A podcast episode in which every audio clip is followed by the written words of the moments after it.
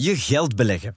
Het lijkt super ingewikkeld. Is dat niet gevaarlijk? Ja, ik weet niet. En ik ben niet alleen met dat idee. Beleggen is eigenlijk een heel abstract begrip voor mij. Ik vraag mij af wat dat juist inhoudt. Hoeveel geld heb je eigenlijk nodig om te beleggen? Kun je echt rijk worden van beleggen? Hoe weet je nu welk aandeel je eigenlijk moet gaan kopen omdat het, het de markt het goed doet of niet? Maar het hoeft niet zo ingewikkeld te zijn. Angst komt vaak vanuit onwetendheid. Kijk maar naar mij. Ik heb eh, hetzelfde daar gedaan, inzet teruggepakt en daar rolluiken van gekocht. Rolluiken en zo, dat is kei duur. Waarom zou jij nu eigenlijk moeten beleggen? We zoeken het samen uit.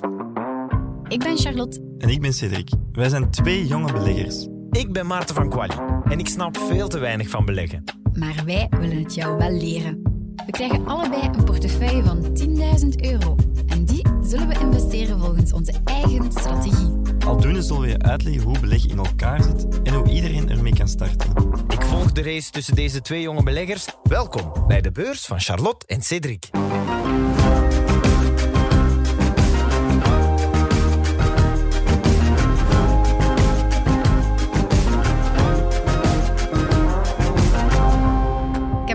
Keiveel zin in.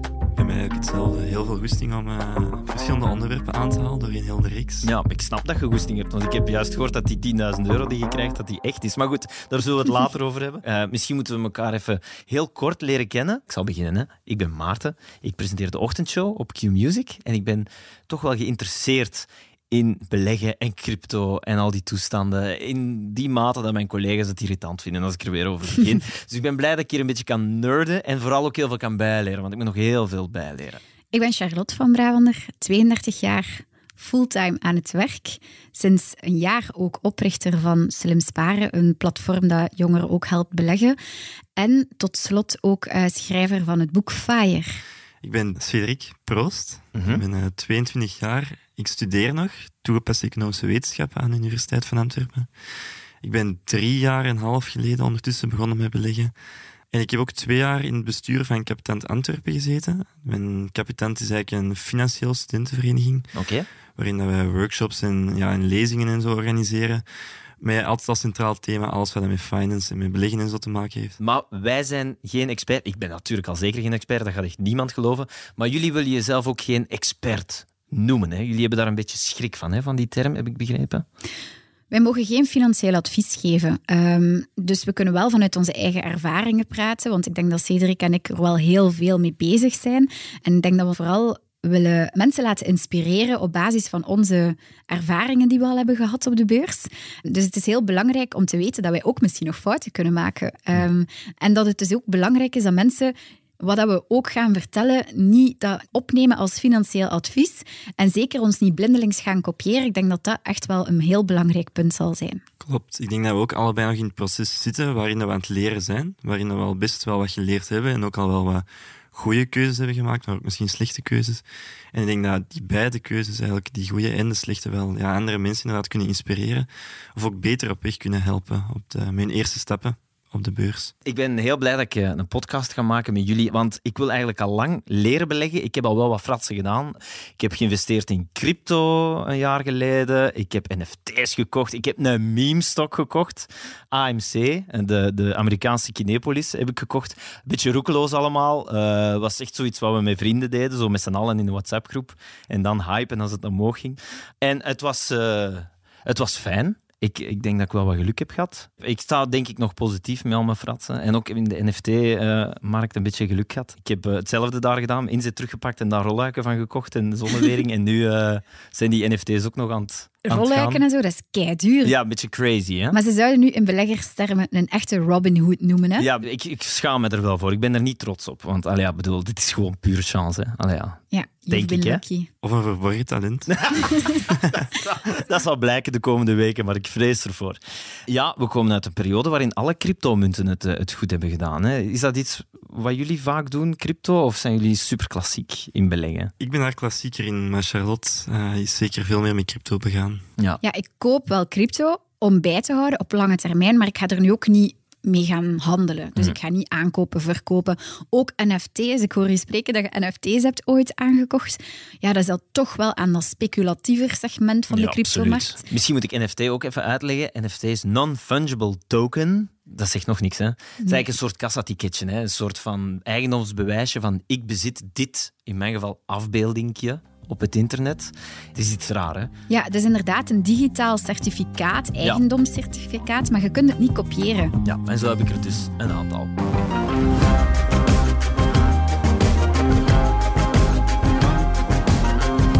Oké, Cedric, Charlotte, heel belangrijk. Waarom vinden jullie het belangrijk om ervoor te zorgen dat jongeren gaan beleggen? Ik denk dat ik ergens het geluk heb gehad van zo vroeg te starten met beleggen, of er zo vroeg van overtuigd van geworden te zijn. Ik denk dat Charlotte dat ook al vaak heeft gezegd, dat ze jaloers is. dat ik er zo vroeg mee gestart ben. Echt. En daarom zou ik ook gewoon het heel fijn vinden als we door middel van deze podcast andere jongeren daarmee kunnen overtuigen, of gewoon mensen in het algemeen mee kunnen overtuigen van ook die stap te zetten, want het is ook gewoon nooit te laat. Maar hoe vroeger dat je eraan begint, hoe, beter. En zeker ook gezien de situatie waar we momenteel in zitten. De prijzen stijgen enorm, hebben dus een hoge inflatie. Het leven wordt jaarlijks ja, aan een recordtempo duurder. En anderzijds is de interest heel laag. En die combinatie zorgt er eigenlijk voor dat je ja, jaarlijks een stuk armer wordt. Normaal gezien heb je bijvoorbeeld een hoge inflatie, maar ook een hoge rente die dat voor een stukje opvangt. En momenteel zitten we niet in dat, in dat scenario. En daardoor is beleggen eigenlijk een manier om je daartegen te gaan beschermen. Omdat je met beleggen wel nog een soort van rendement kunt gaan behalen jaarlijks. En ja, met sparen is dat gewoon op deze moment absoluut niet het geval. Wat was jullie eerste belegging en was die zo roekeloos als bij mij, Cedric? Ik, ik zie u kijken, ik denk van niet. Mijn eerste aandeel heb ik eigenlijk heel veel geluk mee gehad ook. Eh, dat was het Nederlandse bedrijf Alphen. Ja, ken ik niet. Wat is Dat dat? is een bedrijf dat bijvoorbeeld oplaadpalen voor elektrische auto's voorziet. Ah, ja, ja, oké. Ehm, dat ik duurzaamheid combineert met technologie. Mhm. Volgens mij twee trends die, die we nog lang gaan kunnen zien op de, op de beurs, of die toch nog lang belangrijk gaan zijn. En ik kocht eigenlijk, dat was wel een beetje een beginnersfout, eh, op advies van iemand anders, zonder al te veel onderzoek te doen naar Ja. dat bedrijf. Ik was er wel van overtuigd dat het, het bedrijf het wel goed ging doen, maar eigenlijk veel te weinig naar de cijfers gekeken. En dat aandeel is toen eigenlijk best snel gestegen, maar mijn fout was van te snel winst te nemen. Oké. Dus ik heb het aandeel met eigenlijk 30% de winst al verkocht. En het aandeel is erna maal drie of maal vier in totaal gegaan. Oh. Ik had er best wel wat geld in gestoken. Eh, ook een stukje van mijn ouders nog geld in gestoken. Dus ehm, ik heb er wel een mooie winst mee gemaakt. Het was eigenlijk veel te weinig. Ik moet wel zeggen, ik heb ze dan, toen ze nog een stukje gezakt zijn, terug nog eens ingekocht. Dus momenteel toch nog altijd in, eh, in portefeuille. Is dat een beetje sentiment? Zo van, ah, mijn eerste aandeel. Toch Ja, wel. Ik wil er Toch toch wel. nog een beetje van hebben. Zeker omdat Ja? ik er toen in het begin toch wel wat mee verdiend had. En omdat dat voor mij echt een, een fijne kennismaking was met de beurs ook. Dus dat Ja. geeft me wel een positief gevoel eigenlijk. Wat was dat bij jou, Charlotte? Bij mij was dat heel roekeloos geselecteerd, want dat was eigenlijk zelf in een bankcontext. Ik zat gewoon met mijn beleggersadviseur aan tafel en ik had wat fondsen gekocht bij mijn thuisbank. Ja. En dan zei hij, ja, als je aandelen wilt selecteren, ja, kies maar. Hè. En eh, ik kreeg dan een lijst met aandelen. En eigenlijk als jong meisje mocht ik gewoon met de natte vinger wat aandelen shoppen. En ja, ik heb toen Pfizer gekocht, wat achteraf gezien wel ook een goede koop bleef. Ja, bleek. pandemie is moeilijk te voorspellen, Ja. maar goed. Hè? was ook net voor corona dat ik die had gekocht. Dus het heeft het goed gedaan en ik heb het verkocht op een mooi moment. Maar wat was de trigger voor jou om te beginnen beleggen? Ik wist gewoon dat mijn geld minder waard werd. Hm. Sowieso, toen al. Eh 2% gemiddeld per jaar ongeveer. En ik had ook het gevoel, ik was zo hard aan het werken voor mijn job. En beleggen gaf mij het gevoel om verbonden te zijn met de economie. Het gaf mij een trigger om meer kennis op te gaan doen.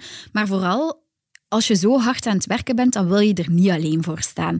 En sinds dat ik aandelen heb, en ik, als ik in de file sta en ik kijk rond mij en ik zie camionetjes rijden van aandelen of van bedrijven waar ik heb in geïnvesteerd, Dan denk je, oh, is een stukje van die camionet is van mij. ja, of Ja. die mens is ook voor mij aan het werken. Dus ik denk Ja. in mijn portefeuille, door die trekkers en zo, heb ik toch wel geïnvesteerd in een duizendtal bedrijven. Dus ik voel mij niet alleen op deze planeet. Ja. En eh, iedereen is een beetje aan het werken voor mijn kapitaal. Ja, als je het zo zegt, dan klinkt dat heel raar, maar het is eigenlijk zo. Ja. We zijn allebei van voor in de 30 zeker. 32. Ja, Cedric, jij bent jonger, hè? Ja, ik ben eh, 22 en ook nog aan het studeren. Maar hoe is dat bij jou gegaan? Hoe ben je ermee begonnen met beleggen? Ik had een spaarrekening en op een bepaald moment kreeg ik daar een brief van hoeveel interest ik zou krijgen van dat jaar. En ik zag op die brief dat dat maar anderhalve euro was. En de kosten voor die brief op te sturen waren 2,5 euro. Dus ik kreeg die brief eigenlijk met de boodschap van uw rekening is een euro gezakt. En ik besefte van ja, er is iets dat niet meer klopt op dat moment. Want ja, mijn spaarrekening kost mij eigenlijk geld in plaats van dat mij iets oplevert. En dan ben ik de dag daarna heel impulsief de rekening gaan, eh, gaan opzeggen. Ik weet nog dat mijn, mijn mama is toen ook meegevolgd, is ook, eh, want had daar ook nog een rekening, ook gaan opzeggen. En toen eh, hebben we onze eerste stap op de beurs gezet. Door middel van een fonds toen. Allee, je hebt het nu aangeraakt, hè? dus eh, mijn spaarboekje levert niks op. Maar heb je een specifiek doel voor ogen, Cedric? Wat wil je doen met dat geld? Is er een eindpunt? Nee, ik heb geen, voor mijn eigen niet echt een eindpunt gesteld, omdat het ook heel moeilijk is om natuurlijk te voorspellen wat de beurzen gaan doen. Of we nog slechte periodes gaan kennen natuurlijk, want zo zijn er ook al wel geweest uh, op de beurzen. Voor mij is het eigenlijk voor iets op te bouwen voor het moment dat ik op pensioen zou gaan later, dat ik nog iets aan de kant heb staan. En dat maar ik dan... stevige horizon. Ja, echt voor is, pensioen. Dat is wel echt op de, op de lange termijn bedoeld. Ja, ja. Ook omdat ik wel met geld dat ik momenteel beleg, is ook geld dat ik niet nodig heb.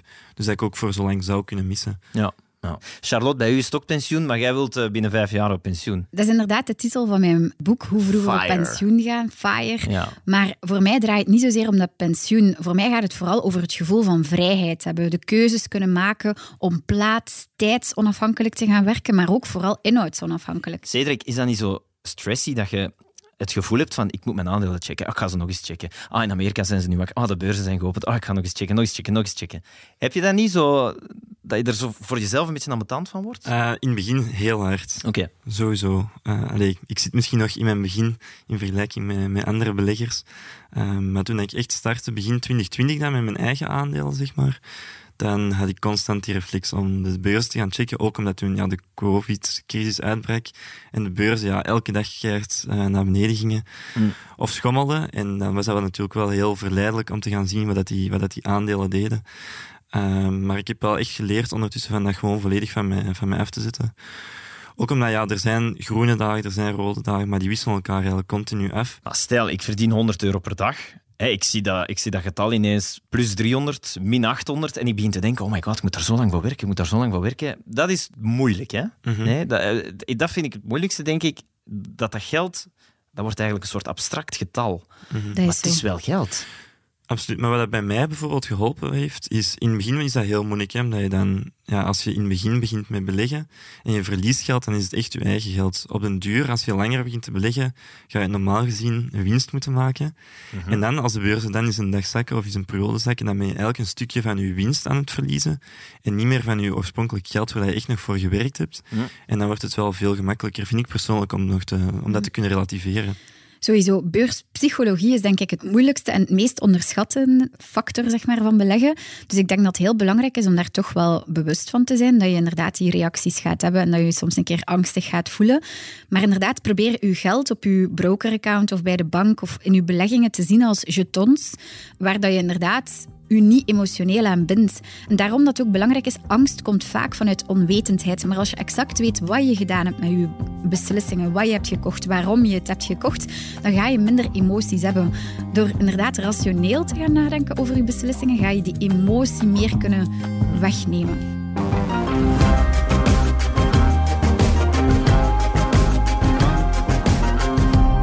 Veel mensen zijn geïnteresseerd hierin, maar veel mensen hebben ook mega veel schrik. Zo van, oh my god, moet ik er de hele tijd mee bezig zijn? En oh, ik, heb er al, ik word al moe op voorhand. Moet je er heel veel mee bezig zijn? Nee.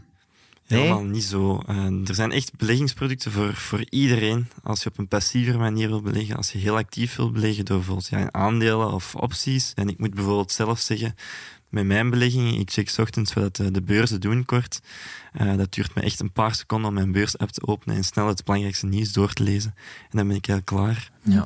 En je mocht ook niet vergeten, tijd spenderen op de beurs of je kennis daarin opkrikken, dat is echt geen verloren tijd. Want je gaat daar echt, je gaat nergens ter wereld zo'n mooi uurtarief verdienen als je eigen tijd opkrikken, financiële ja, tijd. Maar Charlotte, mensen hebben ook kinderen en mensen hebben een job en mensen Ja, hebben maar- dat voetbal en oh my god. Ik zeg, ja, jij hebt misschien tijd om zo al die apps te checken en zo, maar en je zult daar misschien veel geld mee verdienen, maar ja, ik, Ik raad- ik heb daar geen tijd Ik raad iedereen aan die een iPhone heeft even zijn schermtijd te checken. En ik denk dat je gaat achterovervallen hoe lang je op je gsm zit. Stel dat je daar nu een kwartiertje per dag of zelf minder, een kwartiertje per week, per maand, zelf per jaar kan, afhankelijk van wat je koopt, met de beurs bezig bent, dan... eh, maar dat is al goed. Dat is iets wat veel mensen moesten weten.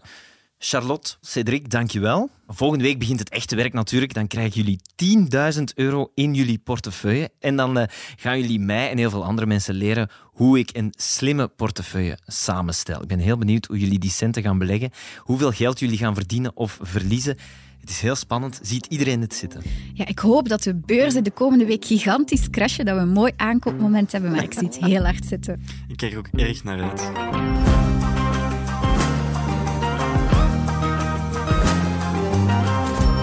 De eerste opname zit erop en ik ben er zeker van dat ik de komende weken heel veel ga bijleren. Maar langs de andere kant zit ik ook nog wel met wat vragen. Bij HLN hebben wij hier natuurlijk iemand met 40 jaar beleggingservaring en zes boeken op zijn naam, financieel expert Paul Doren. Ik besluit om hem te bellen.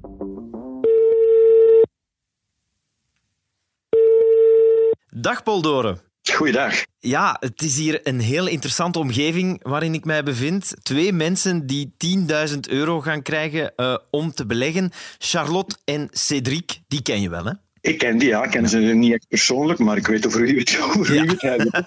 Jij gaat hun rekeningen mee in de gaten houden. Ik moet wel zeggen... Um, als ik die hier bezig zie, zeker Cedric is vrij jong. Hè, die is van voor in de 20. Ik ben zelf al 34. Als ik nu deftig wil beginnen met beleggen, ik heb zo het gevoel dat ik, dat ik al wat te laat kom, dat ik al wat achterstand heb op een of andere manier. Begrijp je wat ik bedoel? Ja, maar het is nooit te laat om uh, iets bij te leren, nietwaar? Dat is dus, waar. Uh, beter, beter later dan nooit, zal ik er ook nog aan toevoegen. Ja, maar... maar... het is natuurlijk wel waar. Kijk, dat moeten we wel beklemtonen. Mensen die geïnteresseerd zijn in beleggen, die kunnen er best zo snel mogelijk aan beginnen. Waarom? Omdat je de tijd in je voordeel hebt. En laten we gewoon heel eenvoudig het voorbeeld geven. Veronderstel dat je maar tien jaar zou beleggen en je zou dat doen tussen je twintigste en je dertigste, ja. wat vroeg is. Of je zou dat maar doen, zoals vele mensen helaas, tussen je vijftigste en je zestigste. Ja, dan kan het zijn dat je gedurende dezelfde periode hetzelfde bedrag hebt belegd, maar het resultaat zal ongelooflijk veel verschillen. Want die laatste tien jaar, 50, 60, dan heb je je geld maar tien jaar kunnen laten werken. Als je dat tussen je twintigste en je dertigste zou doen, je zou het natuurlijk beter blijven doen, maar stel dat alleen tussen je twintigste, dan gaat het nog vanzelf aangroeien gedurende de 30, 40 volgende jaren. En dat is de reden waarom je er zo snel mogelijk moet aan beginnen. Dus ja, je hebt inderdaad tien jaar verloren, Maarten. Ja, ja, niks aan te doen. Maar goed, hè, dan zal ik er nu maar snel aan beginnen. Hoe oud was jij, Paul, toen je begon met beleggen? Ik ben begonnen vanaf het moment dat ik uh, inkomen had. Dus, uh, Heel jong dan? Relatief jong, ja. Ik weet niet hoe lang je gestudeerd hebt, Paul. Zo goed ben ik niet op de hoogte. Maar dat is toch vrij jong dan, hè? Ja, een twintig. Ja, ja, ja. En was dat een interessante periode om te beginnen? Ja, dat is natuurlijk wel zo dat uh, in die periode, we spreken over de jaren tachtig, uh, dat was een heel uitzonderlijke periode. Uh, niet omdat het zo fantastisch goed ging, in tegendeel. We kwamen uit de jaren zeventig die heel slecht waren voor de economie en voor de beurs. En de regering in ons land die besliste toen om een maatregel te nemen om de economie weer aan te zwengelen, namelijk om de burgers, iedereen, aan te moedigen om met zijn spaargeld, dat op een spaarboekje toch niet zoveel opbracht, om aandelen van Belgische bedrijven te kopen. De reden was om de bedrijven te herfinancieren, om die er weer bovenop te helpen na de crisis van de jaren 70.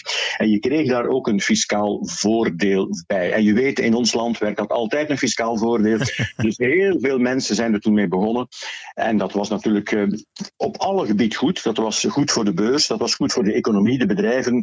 Uh, die gingen veel beter. En ja, dat heeft een paar jaar zo geduurd. Uh, dan is men ermee gestopt natuurlijk. Als het, als het goed gaat, hoeft het niet meer, denkt men dan.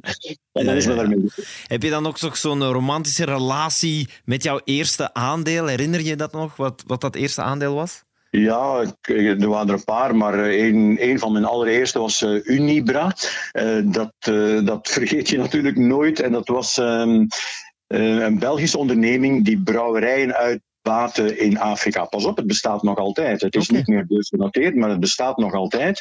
En het klinkt allemaal redelijk exotisch, maar uh, ze brouwen nog altijd het merk Skol, dat bij ons niet zo bekend is, maar dat is het vierde meest gedronken bier in de wereld. Dus oh. ze hadden het recht voor het brouwen van dat merk in heel het Afrikaanse continent. Dus ze hadden diverse brouwerijen in diverse landen in Afrika. Okay. Dus dat, dat, klonk toch wel aantrekkelijk om daar aandelen van te hebben. Hè? Ja, ja, absoluut. Ja, dat klinkt heel goed. Zeg maar in de jaren tachtig de beurs volgen. Hoe ging dat dan? Is dat dan één keer per dag de krant openslaan? Of hoe moet ik me dat voorstellen? Ja, dat is een enorm verschil met vandaag. En vandaag uh, word je voortdurend geconfronteerd met beurskoersen. En uh, ik vind dat eigenlijk niet zo goed dat de mensen de hele tijd naar beurskoersen zitten kijken, want dat brengt jou ook helemaal niks bij. En vroeger moest je veel moeite doen om een koers te vinden, want in de loop van de dag, ja, internet bestond niet. Uh, op televisie bestond teletext zelfs nog niet op dat moment. Ja, ja. Dus er was een rubriekje op de radio waar in de namiddag de slotkoersen van, van een twintigtal aandelen werden voorgelezen. Als je dat niet had gehoord, dan wist je dat niet. Moest je wachten tot zanderdaags in de krant om te weten wat de koers van jouw aandeel was. Maar dat was een ja, maar het was een hele gezonde situatie. Want de mensen waren ook niet de hele tijd bezig met mijn aandelen stijgen of mijn aandelen dalen. Voor alle duidelijkheid. Als je nooit in de krant keek, wat gebeurde er dan? Dan kreeg je één keer per jaar, of bij sommige banken misschien twee keer per jaar, een stand van je aandelenportefeuille.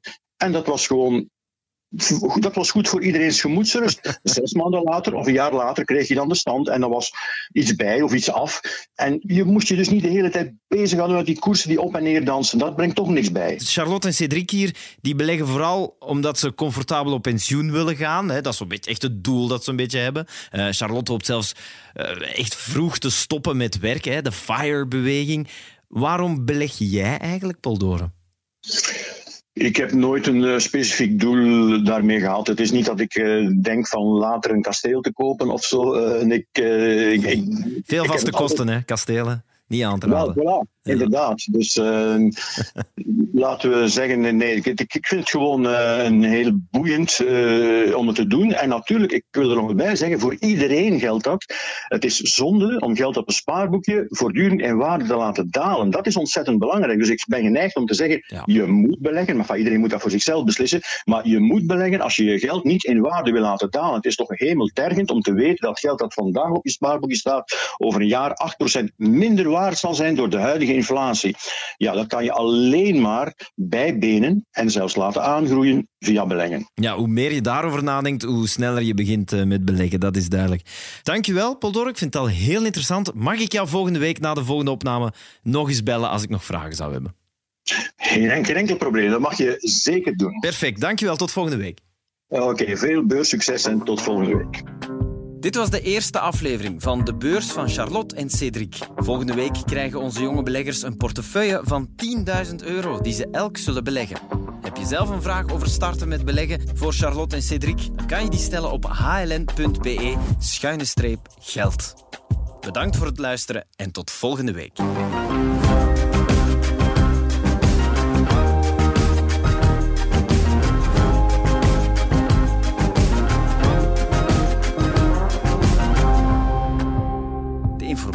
Meningen in deze podcast berusten op betrouwbare en zorgvuldig geselecteerde bronnen, maar ze kunnen niet beschouwd worden als beleggingsadvies. We zijn dan ook nooit aansprakelijk voor schade die je zou leiden als gevolg van het gebruik dat je op welke wijze ook zou maken van informatie uit deze podcast. Dat is toch nog belangrijk om mee te geven. En de podcast werd gemaakt door de redactie van het laatste nieuws in samenwerking met House of Media.